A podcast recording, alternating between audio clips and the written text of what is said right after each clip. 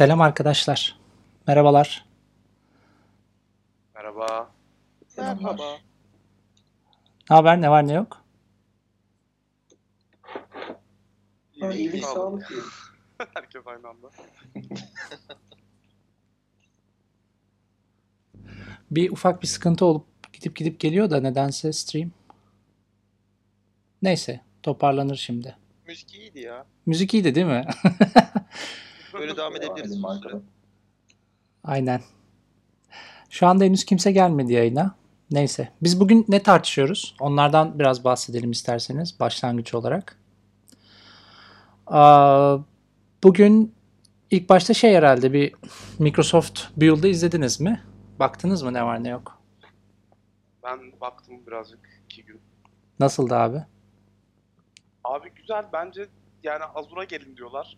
Böyle bir ya, Come to the Dark Side gibi Come to Azure diyorlar yani. Bayağı bir servis şey yapmışlar. Benim hoşuma gitti. Birazcık Facebook'a da orada şey yapmışlar. Hani bu VR olaylarından falan o, o tarafa destekle şey yapmışlar. Hı hı. Güzel bir konferans benim için. İlk gün çok güzeldi. Ben ikinci gün biraz ilgimi kaybettim işin doğrusu. Evet ikinci gündeki konular birazcık daha gene developerlara yönelikti ama ilk gün daha heyecanlıydı bence de.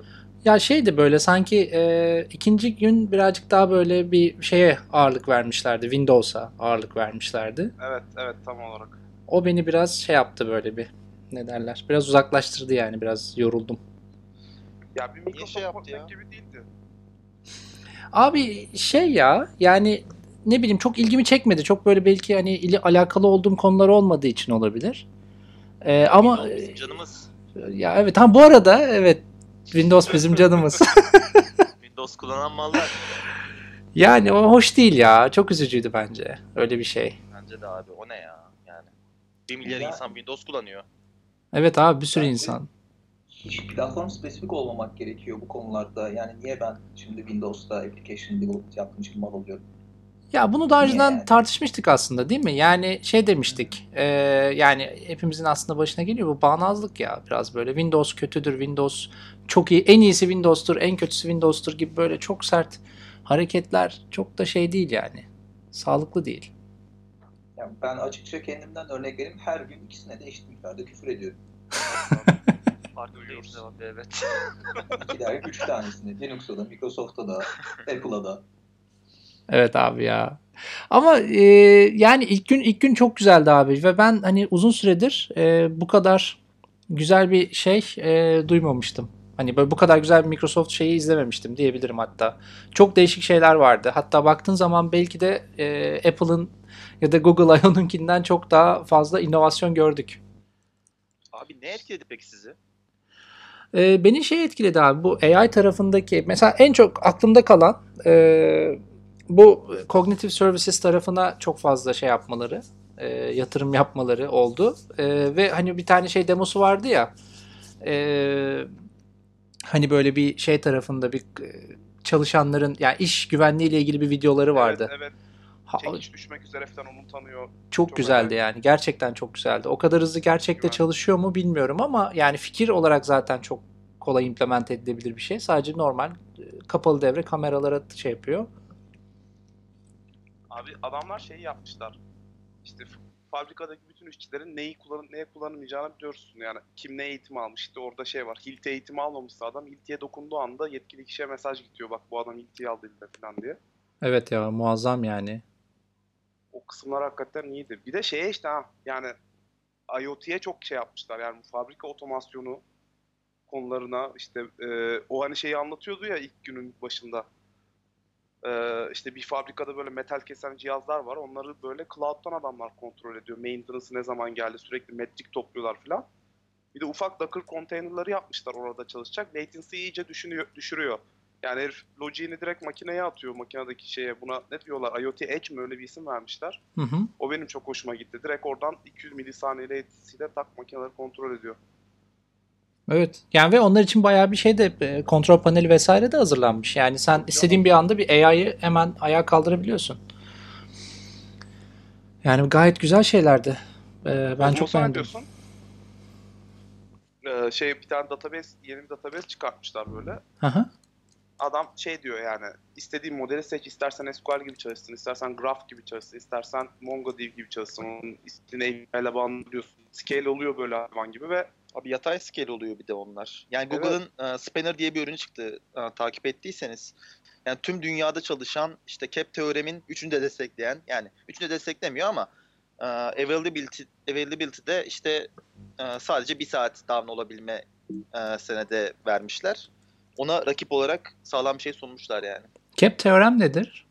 Fırat bilmeyenler CAP için. teorem consistency, availability, diğeri Partition tolerance. Partition. Partition tolerance. Hı hı. Hepsini destekleyemezsin. Birini dışarıda bırakmak zorundasın. Yani ya e, her ye- her zaman erişilebilir olmaktan feragat edeceksin ya işte anladınız. consistent olacak. Evet, evet. Ama işte Google bunu çözdüğünü iddia ediyor. Microsoft da hemen buna karşı işte bir ürünle rakip oluyor. Şimdi e, bu hafta şey var değil mi? Google I.O. var. Bu hafta Aa, mı? Ya bu hafta ya haftaya olması lazım. O, o zaman güzel bir cevap gelir. Evet değil Onlar mi? çok kaldı cloud platformda geride ya. O beni şey yapıyor. Abi kalmadı aslında ya. Aslında bence hiç fena durumda değil ama insanlar pek kullanmıyor. Evet. Yani biraz şey abi e, Amazon orada götürüyor ya. Şimdi ben burada çok bu geçtiğimiz birkaç haftadır çok fazla Amazon kullanabilme fırsatına eriştim. E, bugün de onunla uğraşıyordum. Yani çok kolay, her şey çok rahat, çok hızlı. E, Azure'da mesela birçok şey daha Microsoft civarında dönerken şeyde e, AWS'te her şey tamamen senin elinde ve çok fazla tool'u var. Yani muazzam bir şey. O açıdan baktığın zaman çok iyiler.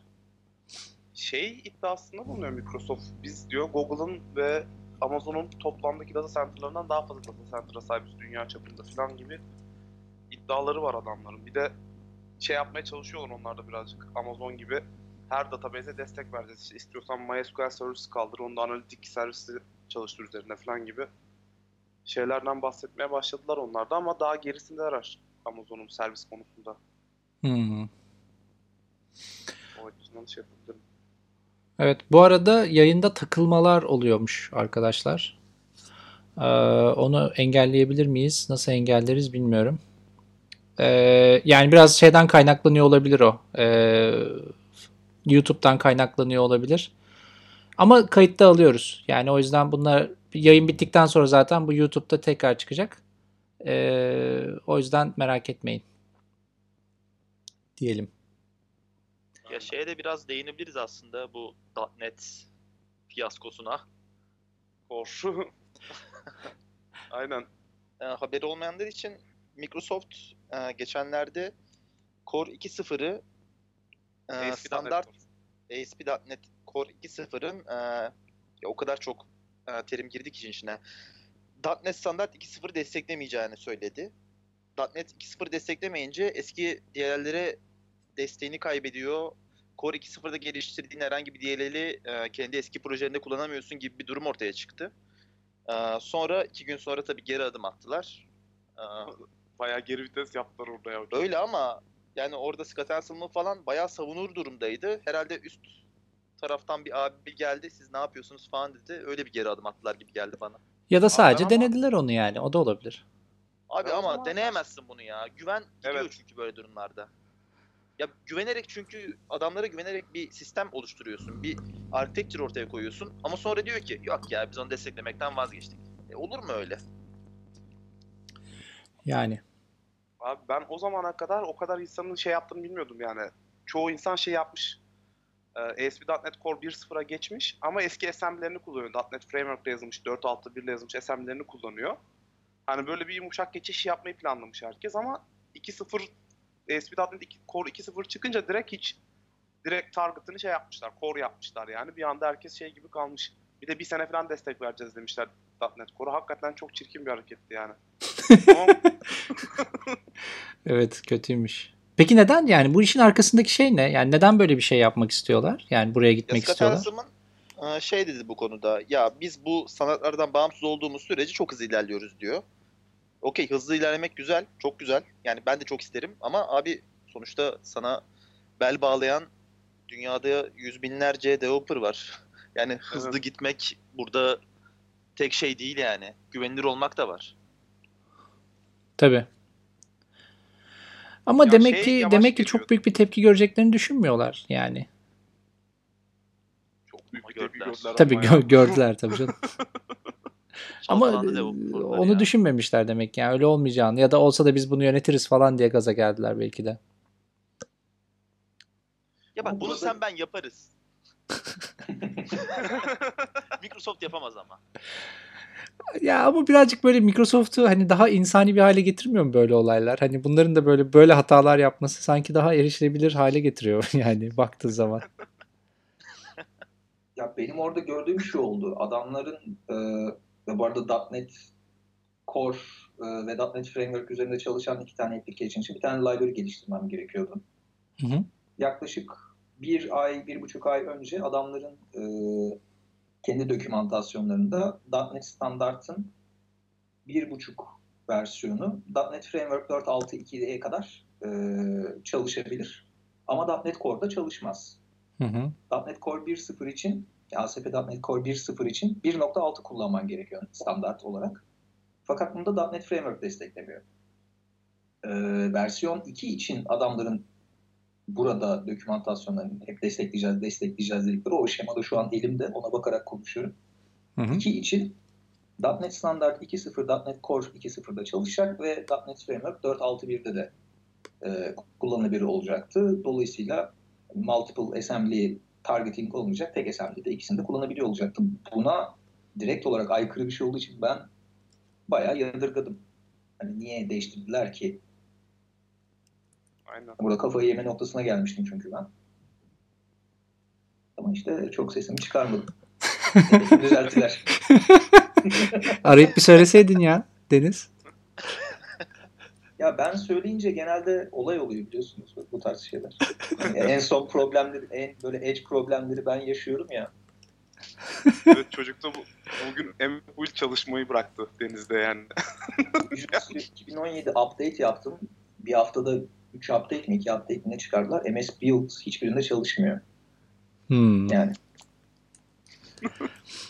Peki e, şeyi de diyorsunuz Microsoft tarafından çıkan bu açık bir tane ransomware atak e, oluşmuş ya bayağı bir yer etkilenmiş. Yani burada mesela şey etkilendi. NHS diye bir e, firma var. E, yani devlete ait aslında.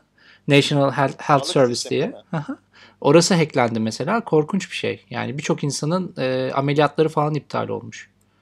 Hastanelere gelmeyin demişler ya. Çok kötü. Yani kalp ameliyatı olacak bir adam e, şey yapamamış. Ee, ameliyatını ip- iptal etmesi mi, ertelemesi mi ne gerekmiş mesela?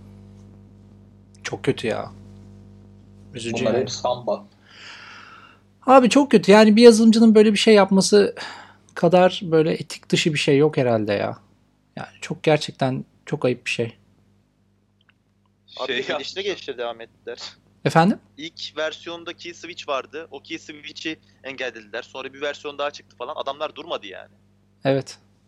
altına şey yazmışlar ben ona çok güldüm ya. İşte şey durumu olmayan insanlar için bir 6 ay sonra bir event düzenleyip orada şey yapacağız demişler. Nasıl ya? Kampanya mı? 3 Para kupona. istiyorlar ya işte şey diyor yani durumunuz yoksa şey yapacağız 6 ay sonra halledeceğiz bekleyin biraz falan gibi bir şey yazmışlar. Vay arkadaş ya. Ama, Ama- çirkin bir şey ama ya encrypt ediyor değil mi bütün file sistemini? Evet. Bir şeye ulaşamıyorsun. Evet abi.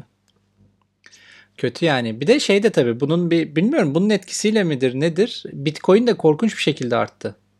2000 oldu ya. 2000 dolar. Yani evet. İnanılmaz abi ya. 2000 doların biraz yani şu anda 1700 civarında ama bence Bitcoin iyi bir yatırım aracı haline geldi ya baktığın zaman.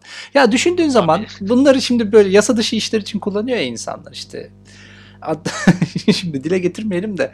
Ee, yani bunlar hiç bitmeyecek ya aslında. Bitcoin hep artacak yani fiyatı hep artacak. Ve hani hiç kimse bunu engelleyemeyecek. Amerika zamanında engellemeye çalıştı. Birçok kişi engellemeye çalıştı ama asla engellenemeyecek gibi duruyor.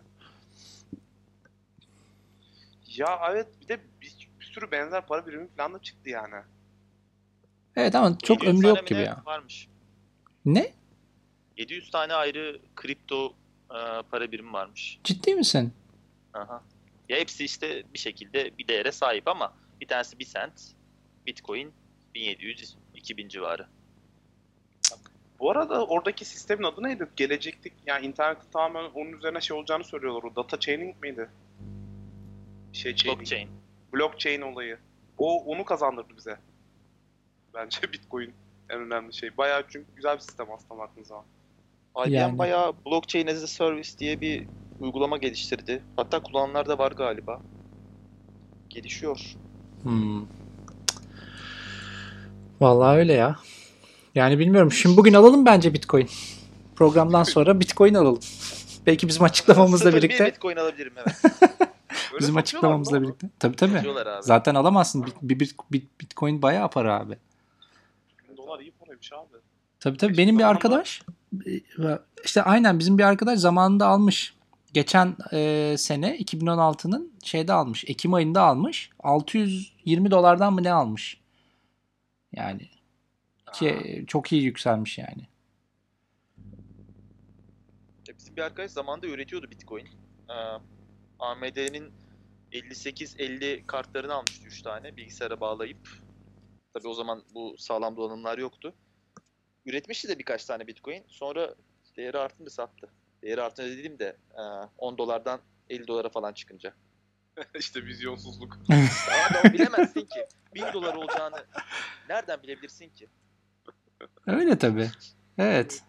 Ama abi kâr işte ama işte biraz da böyle bakmak lazım. Şimdi bu bundan sonra daha da yükselecek bence. Yani bir bazen şey oldu bir kere biliyor musunuz? Bir tedbir kondu Çin'de sanırım. Bir engelleme şeyi inanılmaz düştü böyle bir anda. Ama gene daha üzerine çıktı şu anda. Hani biz çok tabii ben anlamıyorum şeyden falan da. Yani bana 100 100 dolar versen giderim yerim. Giderim yerim yani de. Nasıl değerlendireceğimi bilmiyorum. Ama şey yani akıllı bir yatırım gibi duruyor. Yani bizden bir şey yapıp da herkes evini satıp şey almasın, bitcoin almasın. Ee, bu amcalar e, dekriptör yazıyorlar. O dekriptör üzerindeki işte Bitcoin transferinden falan yaklaşık 48 bin dolar kadar bir gelir mi diyeyim artık. Kazanç mı diyeyim ne deneyim. Ee, ilk günde. Ha, Öf. o zaman iyi. Maçlarına ulaşmışlar yani. Yani tespit edilmesi e, ve şey e, kill switch'in bulunması falan bayağı iyiymiş. Ben o hikayeyi okudum da Aynen bir çocuk varmış falan değil mi? şey çocuk e, mu varmış? Hikaye Casual- hikaye? Hero muydu neydi öyle bir tagle bir şey pa- paylaşıyor. Accidental Hero pardon. Twitter'da öyle bir hashtagle paylaşıyorlar. Hı hı. Ee, dekriptörü indiriyor adam. Para verip alıyor. Decompile ediyor. Bakıyor şey tarafında daha doğrusu decompile değil de e, requestlere falan filan bakıyor ilk önce ne yapıyor diye. Hı hı. Bir tane bir URL endpoint'ine şey gönderiyor. Ping atıyor vesaire gibi onu yüklemeye çalışıyor. Ve URL yoksa çalışmaya devam ediyor. O URL'i de daha sonra register ediyorlar ve bu işlem duruyor. Yayılması engelleniyor. Ha şey yapıyor, sifonu çekiyor. Delik delik Evet. koyuyor oraya. Çok iyi ya. Onu neden öyle tasarlamışlar? Niye öyle bir şey yani kendi yazdığım projemde öyle bir backdoor Yani demek ki kullanacaklar bir noktada onu. Yani Aslında iyi çocuklar ya. kim? Böyle İçlerinden biri belki. Tabii oğlum fakirleri falan düşürmüşler. Herkes özünde iyi Fırat. e, peki e, son olarak hani konuya girmeden önce şey ne diyorsunuz? Google'ın yeni işletim sistemine. Bu Android'in yerine geçecek. Kernel'ların kendileri yazmışlar galiba ama ekstra ne getirisi olacak onları tam yakalayamadım ben. Abi şimdi normalde bizim e, Linux vesaire kullanıyoruz ya bunlar mono, mono monolit şeyler, kernel'lar. Okey. Bunların mesela file sistemini okuyan servisleri ya da işte scheduler servisleri falan hepsi şeyde çalışıyor. Tek yani kernel üzerinde çalışıyor. Bunun şöyle bir avantajı var. Herhangi bir uygulama bu kernel'a erişmek istediği zaman direkt olarak şeye erişiyor. Kernel'a erişiyor ve her şey içeride halloluyor. Yani iletişim çok daha hızlı. Şimdi ama zaman ilerledikçe artık ve bu konteyner yapıları da artmaya başladıkça şeyler de tartışılmaya başlandı. Ee, microkernel'lar tartışılmaya başlandı. Microkernel'da da core sistemler e, şeye dahil oluyorlar. Ee, yani core sistemler kernel içinde kalıyor ama bu e, operating system'ın servisleri şeyde dışarıda kalıyorlar. Yani bunları customize edebiliyorsun. Yani dolayısıyla e, şeyler e, senin uygulamaların e, çalıştıkları zaman bu servisleri kullanıyorlar. Ve bunlar tamamen customize edilebilir servisler. İkisinin arasındaki fark bu. Yani mesela işte bunların arasında da şey var. E, bir iletişim yöntemi var IPC diye. Bu IPC üzerinden konuşuyorlar. Yani baktığın zaman birazcık daha yavaş microkernel'lar ama çok fazla customize edilebilir. Bu IPC de şey işte e, neydi interprocess communication öyle bir şey. Ya potansiyeli var yani. Çünkü Linux'un kernel'ı kaç yıldır geliştiriliyor? 20-30. Tabii. Sonuçta ortada oturmuş bir yapı var. Bunda oturması nereden baksan 5 yıl desen iOS iyidir. iOS iyidir. Ama şey tabi bu adamlar herhalde benim anladığım yani Deniz'in daha güzel fikirleri vardır. O biraz daha yakın olduğu için ama e, yani şeyden bıktı adamlar. E, bu Oracle'dan bıktılar gibi anladım ben. Beşlerini O bırakmıyor. da var. Aynen yani ben de olsam ben de bıkardım artık. Gicavacılar da Oracle'dan bıkmış durumda benim gördüğüm. Abi Evet. normal ya. Ee, adamlar şeyden de bıkmış durumdalar. Linux'un kernel'ını maintain etmekten. Ee, ki Android OS Linux kernel üzerinde her ne kadar şu an güzel çalışıyor gibi olsa da hani çözülemeyecek e, resource problemleri var. O yüzden mi ekstra bir sürü RAM isteniyor e, Android telefonlarda? Yani tam bu yüzdendir diyemem ama e, bir kısmı bu yüzden. Ee, yani mikro kernel üzerinde gitmelerinin şeyi onun adı Magenta'ymış galiba ben yanlış hatırlamıyorsam bugün bakmıştım. Neyin adı? Ee, kernel'ın. Evet Magenta. Ee, aslında tam böyle mikro kernel değil, medium size mikro kernel diye e, etiketlemişler onu. Bir de bütün repository'lerine e, lisansları, readme'leri vesaireleri böyle yavaştan koymaya başladılar da şu an closed source geliştiriliyor anladığım kadarıyla. Hı hı. Sadece bir info olsun diye şey yapmışlar. Ee, yani umarım resource problemini çözerler. Yani birkaç tane UI gördüm. Ee, şeyle aynı neredeyse. Angular'daki Material UI Hı hı. kullanıyormuşum hissi veriyor. Bakalım yani Peki, yayılsın. em- Yazılım geliştirme şeyi ortamı olarak ne sunuyorlar? Gene Java ile mi gidecekler? Başka bir şey mi kullanacaklar? Onlar netleşmiş mi? Java görmedim. Ee, Dart. bir tane Dart kullanıyorlar orada. Ha. Ee, cross Evet. platform. Dart'ı kullanıyorlar mı ya? Evet evet çok kullanan var. Ben Go falan kullanırlar düşünmüştüm. Yok yani orada Dart'ın avantajı şey işte seni yine JavaScript'ten abstract ediyor. Yani sen mesela Dart'ta yazdığın zaman kodunu bir şeye derleyebiliyorsun. Ee, istersen şey derliyorsun mesela işte bu işletim sistemine derleyeceksin. JavaScript ona göre çıkacak. Ya da işte istersen browser'a göre çıkartacaksın. Öyle bir abstraction sunuyor sana. Dart'ın sintaksı da kolay bir sintaks ya. Ben bakmıştım. Evet ya evet evet. Yani aslında TypeScript'ten çok bir şey yani şey olarak kavramsal olarak TypeScript'ten çok bir farkı yok. Yani yaklaşım olarak. Onda da yine birçok şey var. Ee, ne derler işte type'lar vesaireler var. Yine strong type gibi. Abi ama bana- Dart community pardon abi sen devam et. devam et. Lütfen sen devam et. Teşekkür ederim. Ya Dart community tarafından çok da kabul görmedi gibi geliyor bana. Hatta kabul görmüş olsaydı Angular yeni Angular'ı bir şekilde Dart üzerinde geliştirip onun reklamını yaparlardı gibi geliyor bana. Yani ama şey var tabii Microsoft'un korkunç bir şeyi var. Desteği var Angular'a. Çünkü e, .NET komünitesi de Angular'ı çok sevdi. Angular 1'i. Şimdi dolayısıyla artık Angular'ı üzerine onlar da yatırım yaptılar ki istiyorlar onlar da e, bir ön yüz framework'ünün pe- şey peşinden gitsin. Bir ön yüz framework'ü önersin Visual Studio ile birlikte. O yüzden Microsoft'un da ciddi bir yatırımı var. Yani şey Google komünitesine. O yüzden biraz o TypeScript biraz da o yüzden tercih edildi.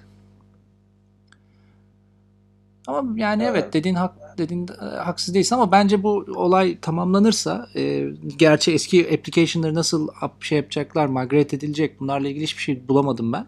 En büyük sorun. Evet, eğer onlar onlar tamamlandığı zaman e, nasıl olacak bilmiyorum ama yani bence Dart birazcık daha kullanılır herhalde. Bence orada Docker gibi bir şey yaparlar ya. VM gibi böyle Android şeyi koşar içerisinde. Ya da TypeScript yazarsın gene JavaScript'e ya da Dart'a şey yapar çevirir ne bileyim. Abi şey yok. Şey, Dart'ın da Angular support'u var. Angular'da Var, var ama- bir şey çıkmış hatta geçen hafta. Ha bilmiyordum onu. İşte kullanan yok abi ya. Hayır ben şey diyorum. O kadar markette uygulama var ondan vazgeçemezler yani. O, o yani Android Android yapamam. Evet. Yoksa Samsung'da dizini geliştiriyorsun. Ee, Aynen. yani bu Market şey yok. çakışması gibi de olabilir. Ee, Objective-C'nin yanında neydi adı? Swift. Swift. Ee, Swift geldi, bütün komünite ne yapıyoruz diye böyle bir ayaklandı. Ondan sonra tamam ikisine de destek vereceğiz. Ee, iOS tarafında da böyle bir şey olduğunu hatırlıyorum ben. Bir iki sene önce. Ama şey değil mi abi ya Objective-C tam bir böyle ucube yani. Hani Baş belası. yani sintaksı çok böyle bir acayip yani uzaydan gelmiş gibi. Ama şeye göre daha kolay yine. Ben ya da benim biraz daha bağnazlığımdan da olabilir. Bende de var biraz o. Ee, hani C++'a biraz daha yakın ki Dart da mesela TypeScript ile C++ karışımın duruyor. Evet. Hatta Objective-C'ye de benzetiyorum. Ee, ama hani hiç kimse zaten bir anda hadi arkadaşlar onu iptal ediyoruz bundan devam edeceğiz demez umarım. Vallahi yıllar oldu. Yaptı, geri döndü. Yani bir de şey tabii bu e, yeni işletim sistemini şeyde yenileme yani e, sadece Android'in yerine değil Chrome OS'un da yerine geliyor. Yani Chrome OS da e, artık tarihe karışıyor. Hem Android hem de Chrome OS gidiyor. Yerine bu geliyor. Yani bir de öyle bir durum da var. Piyasada 3 tane işletim sistemi olacak Google tarafından. İşte e, evet herhalde biz bir iki sene içinde onların şeylerini kapatacaklar. Kaynaklarını bütün maddi ve insan kaynaklarını şeye aktaracaklar diye tahmin ederim yani. İşte abi open source dünyası böyle acımasız yani. Standart Google yaklaşımı. Evet ya. Kimse ilgilenmez ölür. Yap işlet öldür. Evet.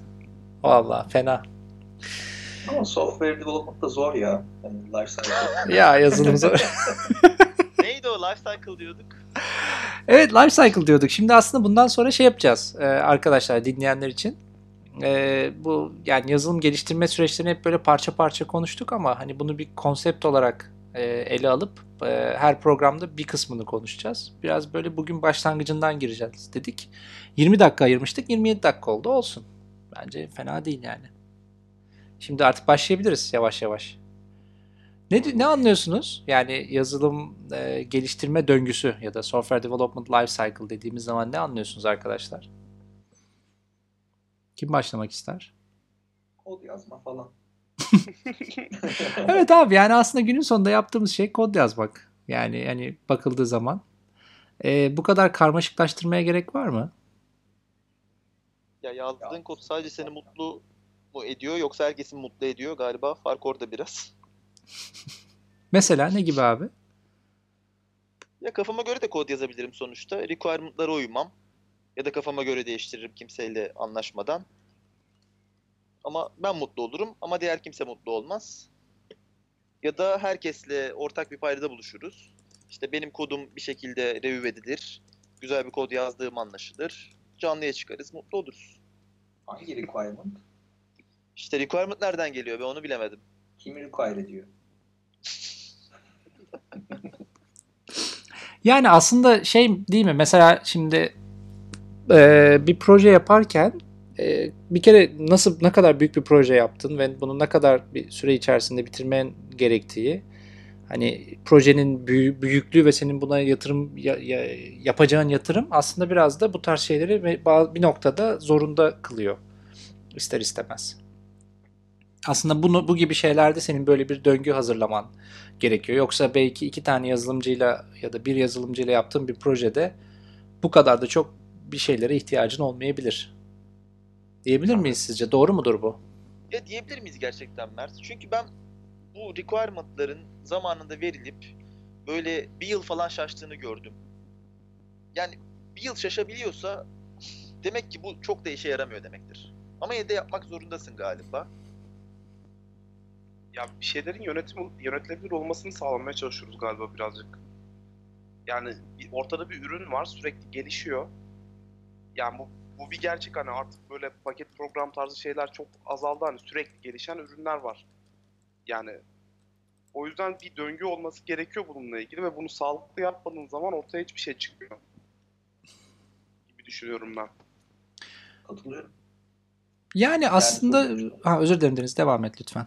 Yani şey diyecektim, e, yaptığımız şeyin bir değeri olmasını istiyorsak bunu belirli aşamalarda değer biçmek istiyorsak, değer biçmekten kastım hani satarım para kazanırım değil de e, şu ana kadar yaptığım şey bu işlemi yapıyor. Şimdi bu işlemi yapacak, şimdi bu işlemi yapacak gibi checkpointler, e, belli milestone'lar belirlersem, belli e, feature'lar belirlersem ve bunları belli bir aşamada geliştirirsem ilginin dediği gibi e, hem daha yönetilebilir bir e, süreç içerisinde olmuş olurum. Tek başıma da proje geliştiriyorsam veya takılma da geliştiriyorsam bu şekilde yapmam daha mantıklı olur diye düşünüyorum. Ben de şey diyecektim aslında e, yani şimdi projelerin kapsamlarına baktığın zaman mesela eskiden e, yazılım projelerine çok ciddi paralar harcanıyor ve o harcanan paraların bir şekilde de geri dönmesi lazım. E, ya ilk zamanlarda tabii yazılım bu kadar çok bilinmediği için ve çıkan yazılım projeleri böyle az olduğu için belki de az insan çalışıyordu yazılım sektöründe ve bunlar o kadar da çok göze batmıyordu yani. Çünkü yazılım yapmak ya da yazılım yani kod yazan kişi biraz daha böyle geek olarak görünüyormuş ve aslında hayatında çok içinde olmadığı için bu tarz şeyler çok fazla göze batmıyormuş ama böyle 2000'li yılların böyle başlarından itibaren konu birazcık daha değişmiş. Yani baktığın zaman 2000'li yıllarda işte kimler çıkıyor mesela? Yahoo var o dönem. İşte Napster var, Hotmail var. Değil mi? Google o zamanlar başlıyor. Baktığın zaman Evet. hani böyle çok büyük firmalar o dönemlerde başlıyor. Ee, Biraz orada tabii bütçeler artmaya başlıyor. Artık insanların e, daha çok hayatın içine girmeye başlıyor ve hızlı olmak, bir an önce yazılımı çıkartmak e, şey olmaya başlıyor. Çok önemli olmaya başlıyor. Çünkü ciddi de bir rekabet demek bu. Hani belki o noktada biraz şey oluyor. Bir de şey de artıyor ya galiba. Hani 10 yıl veya 20 yıl önce bilgisayara yaptırdığın yaptırabildiğin şeylerle şu gün yaptırabildiğin şeyler arasında fark var ve ihtiyaçlar da çok artıyor. Yani hak- hakikaten artık o yüzden yazılım ekipleri bu işte mikroservisleşme bir yazılım geliştiren bir yerde 10 tane 15 tane ekip olması falan bunların koordine bir şekilde gelişme şey yapmaya yazılım geliştirmeye çalışmaları Ee, o yüzden bir takım metodolojilerin olması gerektiği ortaya çıktı ve hakikaten dediğin gibi hızlı cevap vermek gerekiyor artık ihtiyaçlara. Çünkü çok acayip bir rekabet ortamı var. Ve giderek şeye dönüyor gibi de geliyor bana. Ee, tüketim gibi olmaya da başladı. Hani böyle artık 5-6 yıllık productlar geliştirmiyorsun. Belki 3-4 aylık productlar geliştiriyorsun. Evet. Doğru. Yani aslında bir an önce artık çok küçük parçalara bölüp çok hızlı bir şekilde yayınlaman gerekiyor. Daha ufak parçalar Peki, halinde. küçük parçalara bölme işlemini kim yapar o zaman? Aslında şeyden başlayalım mı? Çok güzel bir yerden e, girdin Deniz. Yani mesela bir projeye başlamadan önce e, şimdi mesela bir firmasın ve bir an önce tabii haliyle kurulup kar etmek istiyorsun. Dolayısıyla orada bir şey e, ufak bir çizgi var. Yani ne kadarını çıkartmak istiyorsun? Asgari yeter ürün nedir? Minimum viable product. E, bunu aslında karar vermek gerekiyor. Yani business'ın yani bu işin sahibi olan kişilerin buna karar vermesi gerekiyor belki de. O noktadan başlayalım mesela. Sizce e, böyle bir şey, aşamada yazılımcılara ne kadar gerek var? Yazılımcılar nerede dahil olmalı? Ya da işte bu product manager ya da işte business tarafındaki insanlar mı bu işi götürmeli? MVP aşamasında mı? Evet MVP sırasında. Aa, ya bence her aşamada bir yazılımcı bulunması gerekiyor bence süreç içerisinde hani. E, En azından fikri alınması gerektiğini düşünüyorum. E, requirement'lar falan toplanırken de hani bir işin çünkü yapılıp yapılamayacağı veya bunu MVP olarak çıkabilir miyiz, ne kadar sürer gibi en azından bilgileri gene bir teknik bir insan verebilir gibi geliyor bana. Yani ben de aynı fikirdeyim. Teknik e, olabilitesi nedir bu işin? Yani ben notification göndermek istiyorum der. Her tarafa notification gönderir atıyorum. Ama sen bunun altyapısını ne kadar hızlı yaptın ya da hangi servisleri kullandın? Bunların e, lisansları ne kadar sürede geliyor gidiyor? Atıyorum bir ay sürede canlıya çıkmak istiyorsun fakat bütün bu çalışmalar iki ay alacak. Dolayısıyla Deniz'in dediği gibi o süreyi tutturabilmesi için en azından fikir vermesi gerekir diye tahmin ediyorum. Bir de bence şeyde trade-off'ları da söylemek gerekiyor. Tamam bunu böyle yaparız ama böyle böyle sonuçları da olur. Bunları sonradan düzeltmemiz lazım. Hani kod dept olayları falan oluyor ya. Technical debt diyorsun. Technical debt aynen. Bunlar hep sonradan başına bela olan şeyler yani. Peki oraya oraya geliriz de şimdi e, ya o da çok önemli bir konu. Aslında bugün onu da ben biraz şey yapmak istiyorum, tartışmak istiyorum. E, technical debt. Ama ondan önce mesela şimdi biz oturduk diyelim ki bir ürün yapacağız. Nasıl başlamak lazım? Yani bu temelde nasıl bir kadro oluşturmak lazım sizce? Mesela Fırat senin Bir bu konuda fikrin ne? manager. Hah, aynen biliyordum böyle bir girişi. Designer. İki yazılımcı yani. Abi Yo yani hangi rollere ihtiyacım var? abi bir tane sanırım ürünün sahibine ihtiyacım var. Product manager'a ihtiyacım var. E, bir tane yazılımcıya ihtiyacım var çünkü bir şekilde bu ürünün mimari kararlarını verecek, sıfırdan oluşturuyor. Hı hı. Designer'a ihtiyaç olduğunu çok sanmıyorum. Niye? Bunlar Ama designer? UX ile ilgili çalışma yapmayacak mı? Yani UX Ha. önemli değil mi sence? Ya ben kendimi şey olarak düşündüğüm için, full stack developer olarak düşündüğüm için hani o olmasa da ben bir şeyler çıkarım diye düşünüyorum ama olsa da bir güzel olur. Üç kişiyle bile başlayabiliriz bence evet. Peki ne gibi bir aşamadan geçmesi lazım sizce? Mesela Deniz şimdi sizde böyle aslında bir startup.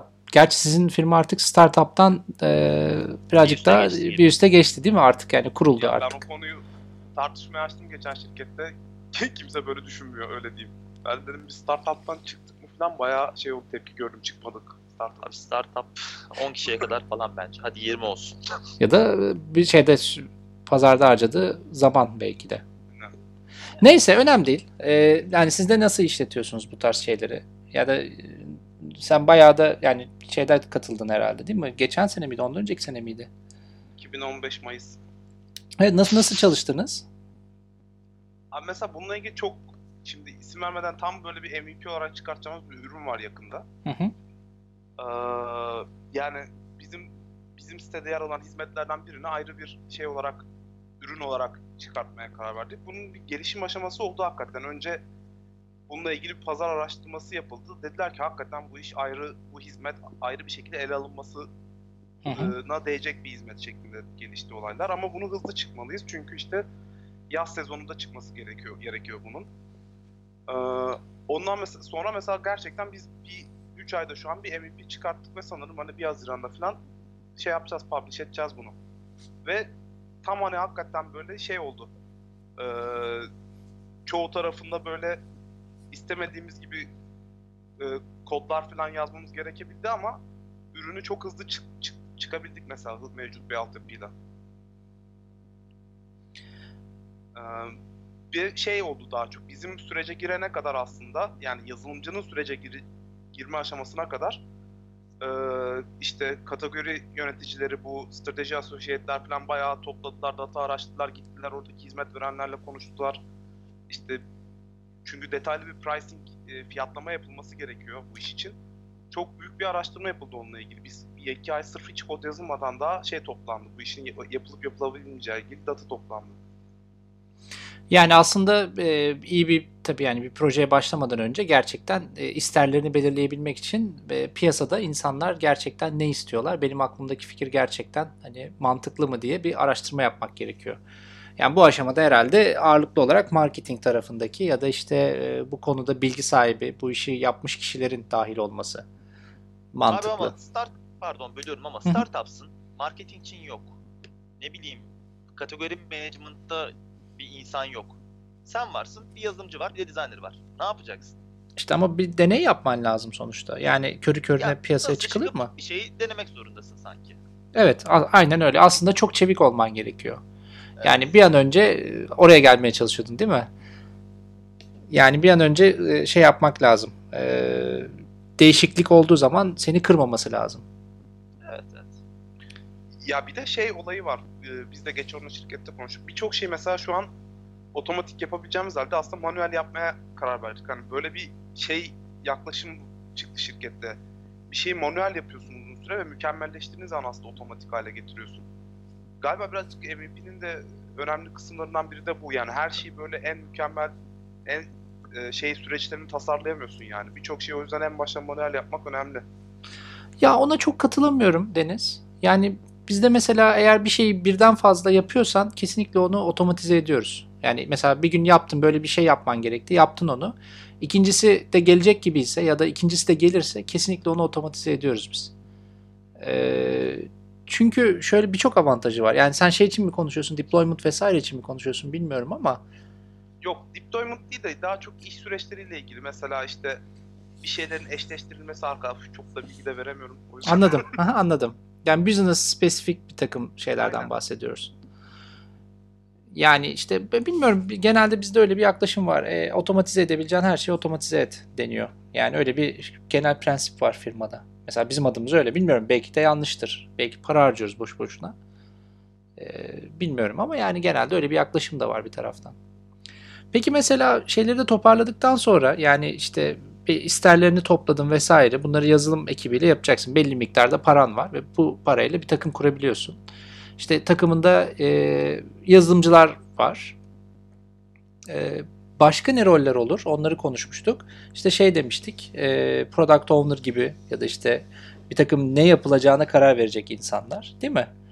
Peki mesela bir takım lideri ya da işte ne bileyim e, teknik lider gibi bir pozisyon sizce nasıl duruyor böyle bir sistemde?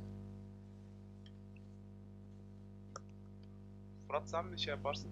Fırat Abi girecek galiba. Çok iyi durmuyor ya. Neden? Ya teknik lider çünkü eğer e, yani nasıl desem tüm kararları o teknik lider, teknik lider alıyorsa bir kere takımdaki elemanlar gelişemiyor. Teknik lidere bağımlı hale geliyorlar. Takım kendi başına hareket edemiyor. Yani teknik liderin bir şekilde orada olacaksa bile sadece böyle çok gereken yerlerde girmesi gerekiyor. Yani code review süreçlerini o da yap- yapmalı. Ama en güzelini o yapmalı falan. Ama herkes code review'e katılmalı. Test mi yazılacak? En güzelini o yazmalı ama diğer insanlar da yazmalı. Yani ondan bakıp geliştirmeli kendini. Yani böyle olduğu sürece sanırım bir şekilde e, gelişim kat, ed- kat edilebiliyor. Diğer türlü olmuyor. Ben de öyle düşünüyorum. Şey olarak mesela bizim şu bahsettiğim projede de böyle oldu aslında. Çalışan bir tane product owner var bu işin sahibi. Bir tane developer var, bir de designer var. Hani bizim ekipçe dahil olduğumuz noktalar şunu nasıl yapsak daha doğru olur şeklinde oturup ayaküstü tartışıyoruz. Bak şurada böyle bir zaten hazır altyapımız var bunu kullansan daha iyi olur. Kod review'lere gö- şey yapıyoruz ve aslında mesela orada çalışan arkadaş büyük bir tecrübe edindi bu proje boyunca. Ee, kendisi alıp götürdü. Biz de sadece danışmanlık yaptık mesela. Ama Ya- bir şey daha Hı. diyeceğim. Çok pardon. Söyle bölüyorum. abi. Ya eğer teknik lider bir şekilde beraber beraber çalıştığı insanlara güvenmiyorsa o güvensizlik bir şekilde yayılıyor ya. Yani takımın birbirine güvenebiliyor olması lazım. Ama peki mesela yani şimdi tabii burada şeyde tartışmak lazım Bekle Fırat. Dediğini çok iyi anladım ve %100 katılıyorum söylediğin şeye. Ee, yani bir kere zaten kod yazamayan birisinin takımda liderlik yapması kadar saçma bir şey yok bence bir yazılım ekibinde. Yani bu yöneticisi de olabilir mesela. Yazılım yöneticisi denen adamın da kod yazabiliyor olması lazım. Kod yazmak zorunda değil ama yani oturup ekibiyle beraber kod yazabiliyor olması lazım ya da teknik soruları cevaplayacak kadar teknik yetkinliğin olması lazım olduğunu düşünüyorum ben. Ee, o burada tabii şey de işin içine giriyor, tanımı da işin içine giriyor biraz. Liderlik ne demek sizce? Yani bir, siz kimi lider olarak kabul edersiniz? Bir yazılım yazılımcılar olarak. Yapabilen adamı abi. Benim hatta benim yapamadığım şeyi yapabilen adamı. Senden daha iyi bir yazılımcı yani. Evet. Sen Deniz, sen ne düşünüyorsun? Özgen ya da Özgen'den hiç konuşmadı Özgen. Bence e, yani Fırat'ın tam dediğine katılmıyorum ama benden benim yaptığım onun yapamadığı bir şey vardır. Benim e, yapıp onun yapamadığı bir şey vardır. Ya da aynı aynı şeyi söyleyeyim. E, tekrarlıyorum. Benim yapıp onun yapamadığı bir şey vardır. Ya da e, benim yapamadığım onun yapamadığı bir şey vardır. Bu yapıp yapamamak kısmı aslında benden iyi olduğu kısımları kastediyorum. Hı hı. E, teknik hakimiyetten kastediyorum. E, ve bu konuda bence her aşamada birlikte karar almak, eksikleri tamamlamak ki bu da takımı geliştiren bir şey olur. Dolayısıyla bu şekilde ilerlemesi gerektiğini düşünüyorum. Yani tek bir kişi karar mekanizması olmamalı bu tarz durumda. Birlikte karar alınmalı bence. Abi zaten bence e, liderin de yapması gereken bu hani e, yani bu yönetim kısmından ziyade aslında oturup ekiple beraber bir karar alıp bir gerektiği yerde yönlendirebilmeli ve hakikaten herhalde şey olması gerekiyor. Teknik olarak yetkin olması gerekiyor sa- sanırım. Hepimiz buna katılıyoruz yani. Bu işin mutfağından gelmiş biri olması sanırım tercih olur herkes için. Yetkin Ama- olamazsa çok pardon sen devam et. Yok sen söyle ben soru soracağım. Ya yetkin olamazsa takımı ikna edemiyor gibi bir gözlemim var Evet. benim çünkü. Ee, o da var doğru ama e, soru galiba esas Mert'in esas buraya gelişi e, teknik lidere ihtiyaç var mı? İdi, değil mi? Ben yanlış hatırlamıyorum. Evet. Nasıl olmalı. Nasıl olmalı? Yani Ben burada- liderlikten ne anlıyorsunuz? Kimi lider olarak kabul edersiniz diye sordum aslında. Kimi lider olarak kabul etmek e, kısmında ya ben cevaplamıştım kendimce de ben şey olarak aslında bakıyorum. Bu tarz bir durumda yani bir startup veya bir project development içerisinde gerçekten bir lider olmalı mı yoksa e, tamam lider olmalı bunun kararları e, bütün ekibin aldığı ortak karar üzerinde mi olmalı? Ben aslında bu açıdan bakıyorum. Ben şöyle düşünüyorum. Ee, yani mesela yani şimdi lider dendiği zaman karar veren kişi olarak düşünmüyorum bir kere. Yani zaten liderin şeyi o olmamalı bana kalırsa. Ee, tanımı o olmamalı. Ama liderin şöyle bir şey olması lazım. Bir kere lider e, şeyi domaini, çalıştığı domaini iyi bilmesi gerekiyor. Aynı zamanda teknik yetkinliğinin de olması gerekiyor. Domaini orada öğrenmiş olabilir ya da daha önceden biliyor olabilir. Keşke hani daha önceden bilse. Ama hani orada da öğrenmiş olabilir. Yani bu konuda hiç tecrübesi olmadığı bir konuda da çalışıyor olabilir ama en azından konuyu isterleri anlayıp büyük resme görebilen birisi olması lazım. Yani mesela domainden kastın e-ticaret, fintech gibi şey değil mi? Ha mesela evet yani bankada çalışıyorsan banka konusundaki şeyi biliyor olması ya da öğreniyor, hızlı öğreniyor olması lazım. Yani biraz da zeki olması gerekiyor bence. Ee, ekibin ortalamasından daha zeki olanları çok güzel olur ama en az o ekibin ortalamasında olması lazım. Ee, tecrübe olarak daha fazla olması lazım tabii ki. Ama e, daha da önemlisi işte bu büyük resmi bilip anlayıp e, ekibin bu doğrultuda ilerlemesine yardımcı olması lazım. İlerlemesini sağlaması değil, ekibin bu doğrultuda ilerliyor olmasına yardımcı olması lazım. Yani mesela belli prensipleri vardır. Yani business tarafından gelen der, der ki business işte biz e, daha işte cloud'a yatırım yapmak istiyoruz diye bir şey geldi. Çünkü işte şu yüzden dedi. E, ya da işte dedi ki bizim e, şu kadar kısa süre içerisinde şöyle ürünler çıkartmamız lazım dedi. Bu bilgileri alıp bu bilgiler ışığında ekibin içerisindeki tartışmaları e, ya yönlendirmesi, herkese eşit hak tanıyıp konuşturabiliyor olması, adali, adali yani adil olması ve karar vermektense ekibin karar almasına yardımcı olması lazım. Hani ekibin skopu dağıldığı zaman onu düzgün yere toplayabiliyor olması lazım. Yani benim için liderlik bu. Güzel. Bence de. Bunun üzerine susudur. Abi peki mesela şimdi ekibin e, içerisinde bir şey kurdunuz. Yani mesela bu nasıl bir metodolojiyle ilerlememiz gerektiği ya da işte ekibin işte Scrum mı kullanacağız, Kanban mı yapacağız falan filan. Bunlara nasıl bakıyorsunuz? Yani bunlara nasıl karar verilmeli sizce?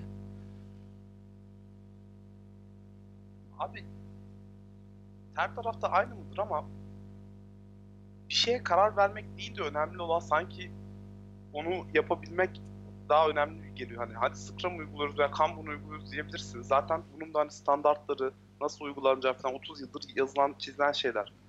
Ama bir takımda ki burada takımdan kastettiğim sadece developerlar değil. Burada işte business tarafından product owner'larına, developer'ına kadar bir takımda bir kültürün oluşması uzun sürüyor ve birçok kez fail etmen gerekiyor. Hangi sistemi kullanırsan kullan. Hı hı. Ee, bir de şeyi düşünüyorum ben.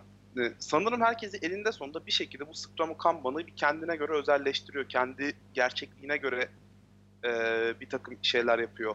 Eklemeler, çıkartmalar yapıyor ve eğer takım da bunu benimsediyse ve bir şey oldu, bunun sonuçları da olumluysa ve olumsuz sonuçlarda bunu olumlu hale getirecek adımlar atıyorsan bu iş yürüyor gibi geliyor bana.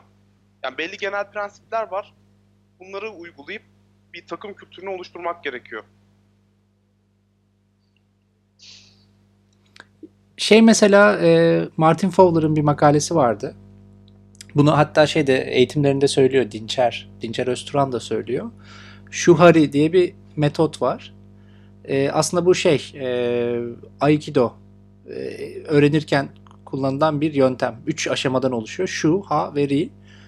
E, şu aşaması bir e, o şeyi a- bir pratiği öğrenmeye çalışan bir kişi düşünmeden e, hocasının ya da işte o mentoru kimse onun verdiği yöntemi uyguluyor ve anlamaya çalışıyor. Daha sonra ha aşamasına geçtiği zaman da e, yavaş yavaş kendi yöntemlerini e, oluşturmaya başlıyor. Yani işte uzaklaşmaya başlıyor şeyden. Son aşamada da e, kendi adaptasyonunu oluşturmaya başlıyor ve kendi yöntemini kabul etmeye başlıyor o prensipler dahilinde. Şimdi aslında bakıldığı zaman e, Scrum çevik yöntemlerden bir tanesi. Ama bunun dışında tabii birçok yöntem var. Sana belli şeyleri çiziyor Scrum. Ama bu tabii Scrum'ı aldıktan sonra aynen senin de söylediğin gibi Deniz. Hani bunu tamamen uygulaması zaten çok zor. Hani belki çok sert bir Scrum uygulamasıyla başlayıp ekip çalışmaya. Ondan sonra her retroyla e, bunları belki biraz şekillendirmesi gerekiyor ki zaten aslında baktığın zaman şimdi mesela diyoruz ya bilmem işte Spotify şöyle bir yönteme geçmiş. Şimdi sen o yöntemi alıp uygulamaya çalışınca sana olmuyor yani o. Büyük geliyor, küçük geliyor yani durumuna göre. O yüzden belki dediğinde haklısın. Ben de katılıyorum Ya, ona. Retro bence bu olayın merkezinde ya. Yani sürekli bir nabız yok deyip doğru yolda mıyız? Herkes memnun mu? Hani nedir, neleri yanlış yapıyoruz? Bunları nasıl düzeltiriz konuşmak gerekiyor. Zaten bu şudan sonraki aşamaya sanırım öyle geçiyorsun. Evet. Aynen öyle. Yani retro yani aslında mesela geçenlerde birisiyle bir iş görüşmesi yaptık. Dedi ki biz Scrum yapıyorduk dedi çocuk. Tamam hani nasıl uyguluyordunuz dedim. İşte biz sabahları 15 dakika toplanıyorduk. Sabahları Scrum yapıyorduk dedi. Bu kadar. Bu kadar. Yani hiç hiçbir şeyin içinde değil. Yani bu olacak iş değil hani bu, bu tamamen bir şey hani bir pratiklerinden bir tanesini almışlar, uygulamışlar. Onlar için çalışmış güzel. Ama e, bence uygulamazsan olmaz denen en temel şey. Yani sabah toplantıları bile onları bile bıraktım. Onları da yapma ama kesinlikle belli aralıklarla bir özellikle bir deliverable çıkarttıktan sonra ya da bir release yaptıktan sonra oturup bunu daha iyi nasıl yaparız diye konuşmak gerekiyor. Evet kesinlikle. İletişim bu işin merkezinde değil mi zaten? Yani takımda iletişimi veya takımlar arasındaki iletişimi bir şekilde arttırmak gerekiyor. Çünkü o iş bir kez koptu mu deployment'ta patlıyor yani. Aa siz onu mu yapmıştınız? Gibi şeyler olabiliyor. Evet. Takım oluşturmak çok zor iş ya. Evet. Yani bunun herhalde belli pratikleri vardır ama nasıl Abi- yapılıyor hiç bilmiyorum. İşin bence bir şeyi var zaten hani bir tabii ki okuduğun zaman kitapları bir önerileri var ama sonuçta o biraz senin tecrübene de bakıyor. Yani yöneticinin tecrübesine, firmanın kültürüne, yaklaşımına. Yani mesela şey yapar mısınız? Çok iyi bir adam diyelim ki ama firmanın kültürüne ayak uyduramayacak. O adamı işe almak ister misiniz yani? Ya da takımda anlaşamayacak. O adamı işe almak ister misiniz mesela? Gibi. Abi istemem ya. Değil mi? Çünkü tüm ta- takımın ahengini bozabilir. Güven ortamı da bir kere gittikten sonra tekrar tesis etmek çok zor. Evet. Dedikodular başlıyor falan yani çok korkunç ya. Peki abi mesela şimdi tabii film şey film diyorum ya. Film nereden çıktı? Ee, mesela bir projeye başladın. işte belli bir organizasyonu kurdun. Belli bir kültür oluşturdun ama bunu sürekli de tabii korumak gerekiyor. Mesela belli şeyleri var. e, bu organizasyonların e, hastalıkları var. Bunlardan bir tanesi ki bence Türkiye'de de çok fazla karşılaşılıyor. Dedikodu. Ya da işte böyle bir ego yarışı. Gıybet. Gıybet. Aynen. Nasıl engellenir sizce? Yani nasıl ne yapmak lazım bu hastalıktan kurtulmak için? Yani ya da buraya gitmemek için, hastalığın böyle bir şey oluş, oluşturamaması için. Şeffaf olmak sanırım en önemli şeylerden biri ya. Yani çünkü gıybetin olayı odur yani. Bir süre bir ortaya ufacık bir bilgi bir iş yerden sızar falan. O böyle A noktasından B noktasına ulaşana kadar birçok farklı aşamaya ge- gelir. Farklı şeylere yani şeffaf olması gerekiyor bence ekiplerin ve yönetimlerin. Kesinlikle katılıyorum abi. Şeffaflığı mesela sen şeffaflıktan ne anlıyorsun Fırat? Ya bir şekilde diyelim bir terfi var. Bu terfinin kriterlerinin bir şekilde e, nasıl desem objektif olması lazım. Herkesin bunu biliyor olması lazım. Neyse aklım yaşadığım kötü örneklere gidiyor ama yani bir şekilde bilgi akışının belli insanlara değil de tüm takım olması lazım. Yönetici tarafından. Yani böyle böyle gereksiz kademeler ve e, sosyal yakınlıklar olmama yani sosyal yakınlıkların kademe haline dönüşmemesi lazım Evet abi. O olduğu noktada sen, sen zaten yöneticiyle iletişimini kaybediyorsun. Yöneticiyle iletişimini bir ara katman vasıtasıyla yapmaya başlıyorsun. O ara katman daha değerli hale geliyor. Sonra da yükseliyor. Şey var ya mesela böyle bir firmaya giriyorsun. E Şimdi yeni girdin bir firma hiç bilmiyorsun kim kim nedir falan. Genelde de böyle sana bir kitapçık vermiyorlar kimin ne olduğuna dair. Bir adam çıkıyor çok bilgili. Böyle herkese bir şeyler söylüyor. Mesela sen şunu yap, sen şunu yap. Adamı ister istemez şey yapmaya başlıyorsun. ne derler? Biat etmeye başlıyorsun adama. Mesela öyle adamların olmaması lazım. Öyle adamlara fırsat vermemek lazım. Veriyorsan da adını koyman lazım belki de. Görmüşsünüzdür kesin öyle adamları. Niye sorgulanmıyor? Güzel soru. Sorgulayan developer lazım sanki biraz. Aynen, de güzel soru. Sorgularsan Senin dedikodun yapılır abi. O zaman ekipte e, e, e, gıybet level'ı düşük eleman. Yani gıybet yapmayacak abi. Niye gıybet yapıyor? Abi İş insan görüşmesinde sorulacak o zaman. insan yapar. İnsan her zaman gıybet yapar. İnsanın olduğu Abi yerde eğer gıybet olur. olursa yapılır. Ben daha çok robotik yaşadığım için öyle çok sallamıyorum da. Abi her yerde gıybet olur ya. Ondan kaçamazsın da hani en azından bunun organizasyona zarar vermeyecek bir halde bir kültür oluşturman Gece lazım. gıybet kötü ama Abi yani. günde bir Hani iki saat gıybet yapılan yerler var şimdi. Bayağı mesainin parçası yani. Şeyi e, Valve Valve firmasını biliyorsunuz değil mi? Oyun firmasını. Yani biliyorsunuz tabii ki. E, onların e, yazılım kültürlerini okudunuz mu? Onlarla ilgili bir kitapçık dağıtmışlar. Tekerlekli masa olayları falan. Evet ha, abi T-shaped inanılmaz. Biliyor musun sen onu Fırat? An- şey yap, anlatmak ister misin? Daha iyi biliyor. Ben bilmiyorum. Ya ben ben şeyi indirmiştim ben onların handbook'unu indirmiştim. Yani bir şir- çalışanı şirkete başlayma aşamasından hani nasıl proje dahil olacağına kadar gayet detaylı açıklamışlar. Benim çok hoşuma gitmişti ama ütopik gelmişti. Al masanı götür herkesin masasından şeyle tekerlekle ben bugün bu projedeyim aga şeklinde çalışıyorsun falan. Bir de orada şey var ya olayın merkezinde. Adamlar T-shape developer diye bir şey arıyorlar. Hani bildiğin T cetveli hayal et. Senin asıl bir uzman olduğun bir konu var ama birçok konuda da bilgi sahibisin işte. Gibi böyle bir alıp önüne koyduğun zaman onun üzerinden bunu gösteriyorlar falan. Benim hoşuma gitmişti Valve'nin şeyi. Yani ama şey değil değil mi yani mesela sen bugün bu projedeyim, bugün şuradayım, hadi şu günde şunu yapayım değil de yani adam şey diyor yani nerede kendini değerli hissediyor hissedeceksen o Aynen. projeyi kendin seç diyor. Ben biraz okuzcu anlattım ama Yoksa senin anlattığından İsveç çakısı anladım ilgin. çok kötü anlatmışım stack yani. abi full stack. Hayır. Ya da öteki de. Bir de orada yönetici de yok yani. Ha, devam et Yok özür dilerim. yönetici. Yok Ya yönetici oyuncu kavramı yokmuş. Valve'a bakarsam e, son 5 yıldır oyun yapmadılar. Demek ki başarısızlar. mı? Steam lan. Adamlar hayvan Abi para- Steam'de yani ben oyun firması olarak Valve'ı biliyorum. Steam okey ama oyun Ama istiyorum ben strateji ya. abi Half-Life belki de. 3'ü istiyorum. Ne bileyim Left Evet, 4 Dead ben 3'ü de. istiyorum. Ben de Team Fortress gelmeyecek. 3'ü istiyorum. Yok hiçbiri yok yani. gelmez. Ve biraz o ekipteki isyan insanlar işten ayrılmaya başladı yani. Onların haberleri düşüyor sürekli. Evet. Ya belki de bunlar ütopya. Vuracaksın kırbacı. Aynen abi. Evet son e, konuştuğumuz kaç dakika olmuş bakayım şöyle bir. Yarım saattir. Her şeyi çöpe atın arkadaşlar. Hepsi yalan. Vuracaksın kırbacı abi. Teknik lider olacaksın şey yapacaksın işte kararları sen vereceksin bu kadar yani. Dinlemiyorlarsa da şikayet edeceksin. Aynen. Diyeceksin Yarın ki kötü sisteme çalışıyor. geçelim. Kovduracaksın. Kovduracaksın. Değil Bak bizim burada şey oldu az önce bir olay anlattın yani şeffaflıktan bahsettiniz ya. Bizim şirkette şöyle bir olay yaşandı. Ee, bir tane arkadaş var. Ee, işte bunun yöneticisi değişti. Ee, yönetici yeni geldi. Geldikten sonra da bir yeni bir pozisyon açtı. açtı. Daha doğrusu işe birisini aldı hemen. İşe alınan kişi takım lideri gibi bir pozisyonu var. Ee, başka bir ekipte, yazılım ekibinde değil. Ama bu diğer yazılımcı çok eskiden beri ve bütün işleri yapan adam bu pozisyon açıldığından haberdar değil. Dolayısıyla gelen kişinin pozisyonundan da haberdar değil. Hiçbir şeyden haberdar değil.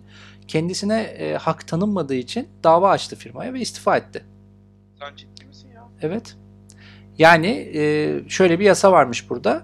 bir pozisyon eğer e, açılıyorsa firmada bütün herkese duyurması ve her- talep eden herkesle görüşmesi gerekiyormuş. Aksi halde e, haksızlık olarak oluyor, şey yapılıyormuş, algılanıyormuş. Ve davayı kazandı Çok iyiymiş. kısa bir zaman içerisinde. Bu da var yani. Abi senin dediğine geri dönecek olursak bence e, teknik yeterlilik önemli mülakatlarda ama hakikaten bu cultural fit olayı yani şirketin kültürüne ne kadar uy, uyacağı çok daha önemli gibi geliyor bana. Ya çok daha da değil de bence eşit ya bunlar. Bence bir tık daha Birinden önemli biri ya. olmazsa olmaz. Tabii yani sonuçta kötü adamı uyuyor diye almazsın. Gelsin Hayır canım. takılsın Ha. diye. Hani böyle öğrenme potansiyeli olan olan böyle böyle bir tecrübesi olan şey olan bir adamı alırsın süper böyle şey bir adamı da. ha. Ama kastettiğim oldu. Yoksa tabii canım o sadece sabahtan akşama kadar FRP oynayacağız. Metal şey, adam. Metal dinleyeceğiz herhalde. O nerede? Öyle bir firma yok işte. Val bak dağılıyormuş. İşinizin kıymetini bilin. Oyun istiyorum abi ya. Sabahtan akşam oynayacağım sonra şirkette. Peki e, bugünü kapatmadan önce son bir e, sorum daha var. Son bir tartışmak istediğim konu var. Sizin fikrinizi çok merak ediyorum. E, mesela böyle bazı firmalarda Agile Coach işte ya da e, Scrum Master gibi roller var. Ya da gerçi ikisi biraz farklı kişi aslında. Hani Scrum Master farklı bir rol. Agile Coach ya da işte Mentor farklı bir şey. Yani bunların e, evet consultant gibi ama tık yani firmanın içerisindeki hiçbir çalışan o da tam zamanlı. E, bunları nasıl değerlendiriyorsunuz? Yani sizce faydalı mı ya? yazılımcı gözünden bakarsanız. Soruyor. Hangisi Murat cevap almalı. Efendim? Bilmiyorsa hani bu nedir, nasıl yapılır, bu metodoloji nedir, e, A'dan Z'sine bir öğrenmesi gerekiyor. Bunun için de eğitim alması gerekiyorsa bence almalı. Ha, uygulamalı mı? O projesine göre değişir. Ya da environment'ına göre değişir. Takımına göre değişir. Yani illa uygulayacağız diye diretmemeleri gerekir bence e, baştaki kişilerin diyeyim. Olmuyorsa olmuyor yani. Ha, ya ondan sonra az önce konuştuğumuz konuya dönüyor. İşte Scrum bat oluyor. İşte öyle bat, böyle bat ama bat. Yani bat. Abi Ya bat olacak zaten. Pisleş. Scrum Bat kötü bir şey değil ya. Ya takım kendi öğrenip ya biz böyle bir metodoloji var uygulamak istiyoruz derse yönetim çok sanki pek sallamıyor çoğu zaman. Ama dışarıdan para verdiği böyle Agile Coach diye bir adam getirirse ya o kadar para veriyoruz bir dinleyelim gibi bir mantık oluyor galiba. O yüzden dışarıdan bir adam getirip sanırım bu işleri başlatmak çok daha mantıklı. Organizasyon dışından bir adam getirmek. Ya çünkü genelde ikna edilmesi gereken taraf development departmanı değil de business tarafı oluyor sanki. Hani Evet. Ya da yönetim. yönetim. Ya da bir ekibin e, başındaki kişi ya da işte ekibin liderinin işte Evet. liderlik vasfı burada önem şeye çıkıyor, öne çıkıyor. Yani takımını e, adil bir şekilde koruması lazım. Takımı haksızsa haksız demesi, eğer haklıysa da takımını koruması ve ona göre yönlendirmesi lazım etrafındakileri. Evet abi. Ya benim fikrim bu konuda şey, e, bilmiyorum belki ben e, eğitim konusunda öyle düşündüğüm için olabilir. Yani her şeyi öğrenebilirsin. Gidersin eğitimini alırsın ama bütün e, işte product line'daki o developerları herkese kitleyecek bir işlemde bulunmamak gerekir diye düşünüyorum. Yani elinde sonunda bu bir şekilde çakma bir metodolojiye dönecekse, hani biz kendimize uydurduk yolunda gideceksek Abi bunu bir kişi de e, öğrenebilir. Aa bak bu böyle yazıyormuş, bu böyleymiş falan, böyle uygulanıyormuş. Gider bir yerden videosunu izler, seminerine katılır falan filan. Ya bunu ben böyle bir şey öğrendim. Biz de bunu bu şekilde uydurabiliriz diye ilerleyebilir fikrindeyim. Şunu kaçırıyorsunuz bence ama arkadaşlar. Ee, yani şimdi bu sadece bunu öğrendim ben uygulayacağım demek çok zor. Yani bu mesela sen orada öğrendiğin şey çok ideal bir şey. Onu uygulayamıyorsun. Yani pratiğe döktüğün zaman o senin öğrendiğin gibi çalışmıyor. Çünkü çok garip farklı problemlerle karşılaşabiliyorsun. Tabii Hani ki belki bu noktada birisinin ekip içerisinde olması ve ekip içerisinde olan kişinin de e, şey yapması hani böyle sürekli bu sadece buna kafa yorup ya bak biz böyle bir şeyi denedik. Böyle bir sorun çıktı. İşte bu ekipte şöyle bir sorun olduğunu duydum. Ben böyle bir sıkıntı varmış. Mesela bir retro sonucu gelmiş adama. Bir işte koç olur ya da işte mentor olur neyse. E, bu şeyin sonucunda, retronun sonucunda adamın bunları okuyup ya ben bunu nasıl çözebilirim ya da bunu çözmesi için ekibe nasıl yardımcı olabilirim deyip ona göre e, literatürdeki karşılıklarını araştırması, sen işine odaklanırken, yazılımına odaklanırken bunlarla kafa yorması bence o kadar da kötü değil. Yok kötü değil katılıyorum. Ben orada pesimist düşünüp e, o kötünün düzelmeyeceği üzerinden gittim. O senaryo üzerinden gittim. Anladım. E, eninde sonunda ekibe uydurulacak bir yoldan gitmeye çalışılıyor. O da normal metodolojiden sapabiliyor çoğu zaman diye. Tabii. Ama her zaman onun sonuçları kötü olmuyor bence işte. Yok tabii ki olmaz ya. Yani Ben bir nokta, o soru sormak istiyorum. Mer sen bir şey diyordun ama. Ben şey diyecektim. Ne diyeceğimi unuttum ya. Devam. Devam abi. Aklıma gelecek birazdan. Abi tamam şimdi requirement'lar falan toplandı. Bir takım oluşturuldu. Bir metodoloji belirlendi. İşte bundan kır, bu metodoloji kırpıldı. Üzerine eklemeler yapıldı. Böyle bu takımın o anki gerçekliği için ortaya ideal bir şey çıktı tamam mı? Ve hani işler bir şekilde takır takır gitmeye başladı. Bu noktadan sonra artık bunu bir şirket kültürü oluşmaya başladığı sırada artık bunu bir dokümante etmek mi gerekiyor yoksa bu nasıl yeni gelecek insanlara aktarılmalı, şey yapılmalı? Ee, gelen insan hani bu ortamda şey mi yapmalı? İnsanlarla konuşup böyle hani ağızdan ağza aktarımla mı bu şey olmalı yoksa adamın önüne bir doküman konmalı mı? Yani bu kültür nasıl bir sonraki şeye aktarılmalı? bence ikisi de. Yani bir şeyleri yazmak bence iyi. Eğer bunları çok fazla değiştirmeyeceksen ya da işte senin e, önceliğin iç- içinde bir şekilde bunun önceliği olduğunu düşünüyorsan. Çünkü her organizasyon yazacak kadar insan kaynağı bulamıyor bu tarz şeyleri. E, ama tabii bunların da sürekli değişeceğini düşünerek ona göre bir şey yazman lazım. Yani Word dokümanlarıyla değil değil mi Fırat? Şey abi boşluk olunca yorum gelir. Çünkü yanlış boşluk verdin diye. ne diyorsun? Mert anladı. Öyle bir e, şey vardı da abimiz abimiz vardı bizim e, bir firmada. Şeydi böyle çok hassastı doküman konusunda. E, çok fazla doküman yazdık. O dokümanların büyük bir kısmını kullanmadık. E, ya da güncellemedik bir daha. Bir kere yazdık kaldı falan. Ama böyle o dokümanı yazar yazana kadar hani dokümanı yazıyorsun bitiriyorsun sonra o dokümanın formatı ile ilgili o kadar çok yorum geliyor ki doküman yazdığın kadar bir de ona zaman harcıyorsun. Ondan bahsediyor. Büyük olmamalı ya. E tabi yük olmamalı. Kesinlikle katılıyorum. Ama işte bazı insanlar bazı şeylere önem veriyorlar. Ama işte bu önem sırasını belirleyen kişiler çok da iyi olmayınca ya da önemleri belirlemeyip yani risk almayıp kim ne derse tamam deyince böyle oluyor işte. Bence. Tabi bu da önemli. Yani öncelikleri belirlemek de çok önemli bir organizasyonda ya da yazılım özellikle yazılım ekibinde. Yani bir hata çıktı ben bu hatayı mı çözmeliyim yoksa gidip e, gündüzleri hatayı mı çözeyim geceleri geliştirme mi yapayım ne yapayım yani. Abi bir saattir konuşuyoruz. Yazılım gerçekten zor iş ya. Zor zor. Daha daha kaç program konuşacağız? Abi ben konuşmanın en başında söyledim ya. Yazılım zor iş diye. Daha Dinlemiyorsunuz beni. Konuşmaya yedik ya. Aynen hiç konuşmamıza gerek yokmuş. Abi programlamak konuşmaya- kolay, yazılım zor. Aynen. Ben konuşmaya başladığımızdan daha kafam karıştı. Ama Bu da iyi bir şey herhalde. ya ben kafamızın karışıklığının gideceğini sanmıyorum ya. Hani sürekli bir şey var yani. Bir adım atıyorsun, kendini bir yere getiriyorsun metodolojiler olarak, şeyler olarak ekip bir şey geliyor. Daha bir şeyler daha var onu görüyorsun. Lan oraya da gitmeliyiz galiba diyorsun. Oraya gidiyorsun ve bu yolculuk hiç bitmiyor. Yani bunu güzel yapan ama bir yandan da böyle işte zor kısmı da bu. İyileştirme bitmiyor. bitmemesi de lazım. Yani aslında sürekli üretim yapıyorsun çünkü. E, aslında şey gibi abi yani diğer mühendislik dallarından ayıran şey aslında insana çok bağlısın.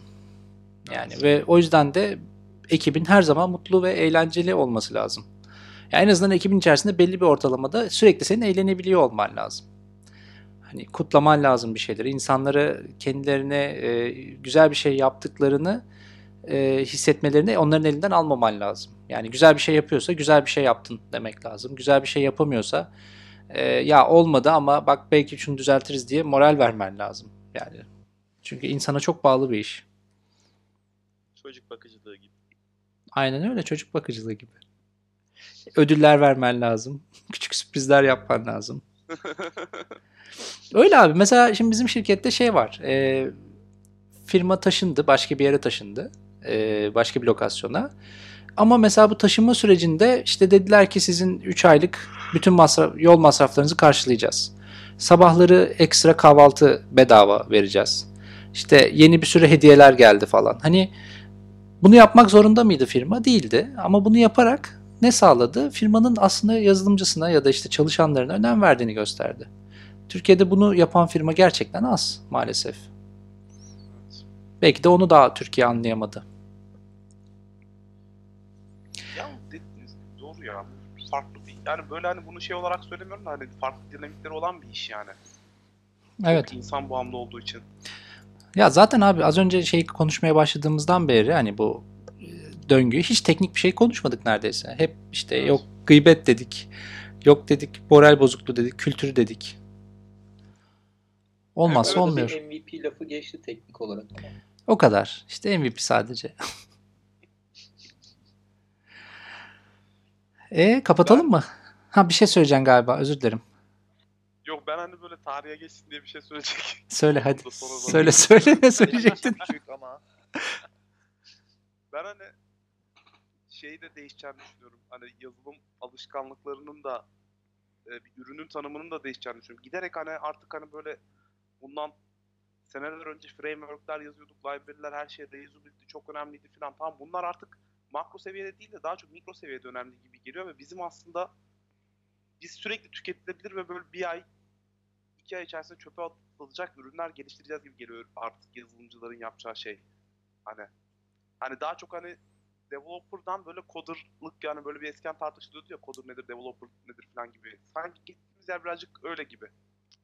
Yani Hani şey gibi harbiden- değil diyorsun. Üretim yapan bir firmadaki e, üretim artı gibi piyasaya bir şey çıkartmadığın için istediğin kadar kodu yaratıp işini gördükten sonra silebilirim diyorsun.